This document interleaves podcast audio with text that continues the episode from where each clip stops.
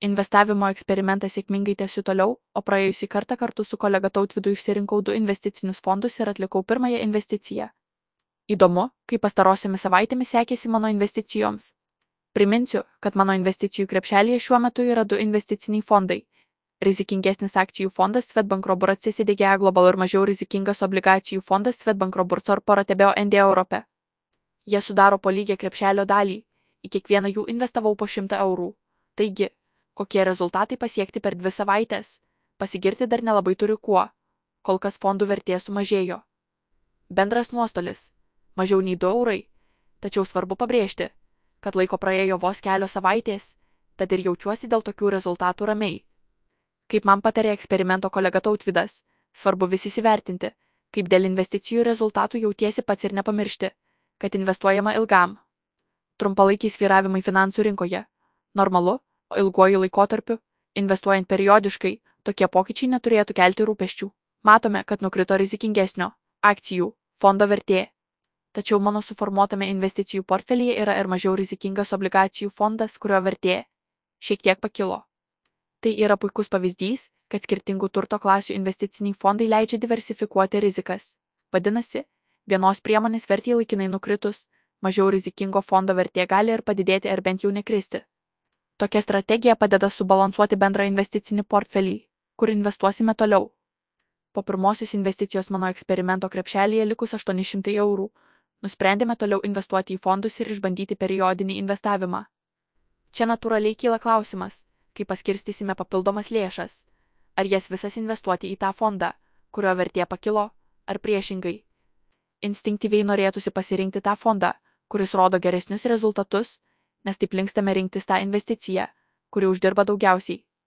Vis dėlto, rinkų kintamumas lemia jų cikliškumą, dėl to labai pabrangę aktyvai ilgainiui gali pikti, o prieš tai atpigę elgtis atvirkščiai - pabrangti.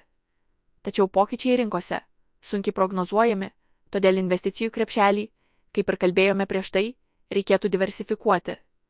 Be to, dėl to paties rinkų cikliškumo pigiau nusipirkę naujų investicinio fondo vienetų, vėliau, jiems brangstant, turėtume ir daugiau uždirbti. Apskritai, didesnė investicinė graža visada susijusi su didesnė rizika, nes graža tai yra rizikos pasiekmė. Mano pasirinkti investiciniai fondai pakankamai diversifikuoti ir visapusiškai atitinka mano investavimo strategiją, todėl nutariau ir toliau investuoti į juos vienodomis dalimis. Darysiu tai periodiškai, nes toks investavimas patogesnis, ugdo discipliną reguliariai investuoti, neapsiribojant į vienkartinę investiciją ir skatina siekti ilgalaikio rezultato. Periodinis investavimas. Renkuosi sumą ir dažnumą. Pasitarusi su mane investavimo kelyje lydinčiu tautvidu, nutariau į kiekvieną fondą investuoti po 50 eurų ir noriu tai daryti tam tikrų periodiškumu. Tai yra, kad lėšos kartą per mėnesį būtų investuojamos automatiškai tol, kol norėsiu pati. Tam praverčia periodinio investavimo paslauga. Prisijungusi prie savo investicinio portfelio Svetbank interneto banke, nusistatau visus man aktualius kriterijus pasirinkau investuoti kiekvieno mėnesio 28 dieną. Žinosiu, kad būtent tą dieną iš mano sąskaitos bus automatiškai nuskaitomos lėšos. Papildomos investicijos.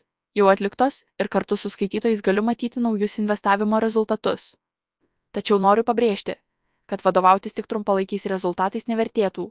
Investavimas yra ilgalaikis procesas, kurio metu investicijų vertė gali ir mažėti, ir didėti. Periodinis investavimas į fondus patrauklus ne tik tuo, kad nereikia didelių sumų, bet ir nereikalauja turėti daug žinių bei rūpeščių. Fondus valdo profesionalai, kurių tikslas - siekti geriausio gražos ir rizikos santykio. Be to, kai investuojame nuosekliai ir ilgą laiką, fondų vienetai perkami tiek tada, kai jų vertė kyla, tiek ir kai jis munka. Tai papildomai subalansuojama rizika. Tai leidžia išvengti didesnių sviravimų ir ilguoju laikotarpiu gauti vidutinę gražą. Kitu atveju, jei būčiau į tuos pačius fondus iškart investavusi visą sumą, net ir nedidelis pokytis būtų įtim pastebimas. O visi fondo vienetai būtų įsigyti už vienodą tos dienos kainą ir nebūtų galimybės ją subalansuoti ilgesnėme laikotarpyje. Taigi, pasirinkę periodinį investavimą, galėsime ramiai, be papildomų pastangų toliau investuoti pagal savo pasirinktą strategiją, beliks tik stebėti investavimo rezultatus. Apie tai, kokių rezultatų jau pasiekiau su pirmosiomis investicijomis ir kaip pasirinkti periodinį investavimą, galite pamatyti trečiojoje eksperimento laidoje nuorodą. Kitoje laidoje kartu su tautvidu apžvelgsime, kaip man toliau sekasi laikytis pasirinktos strategijos ir pakalbėsime apie rizikingesnės investavimo priemonės - akcijas. Visas investavimo akademijos laidas galite bet kada peržiūrėti Svetbank YouTube kanale.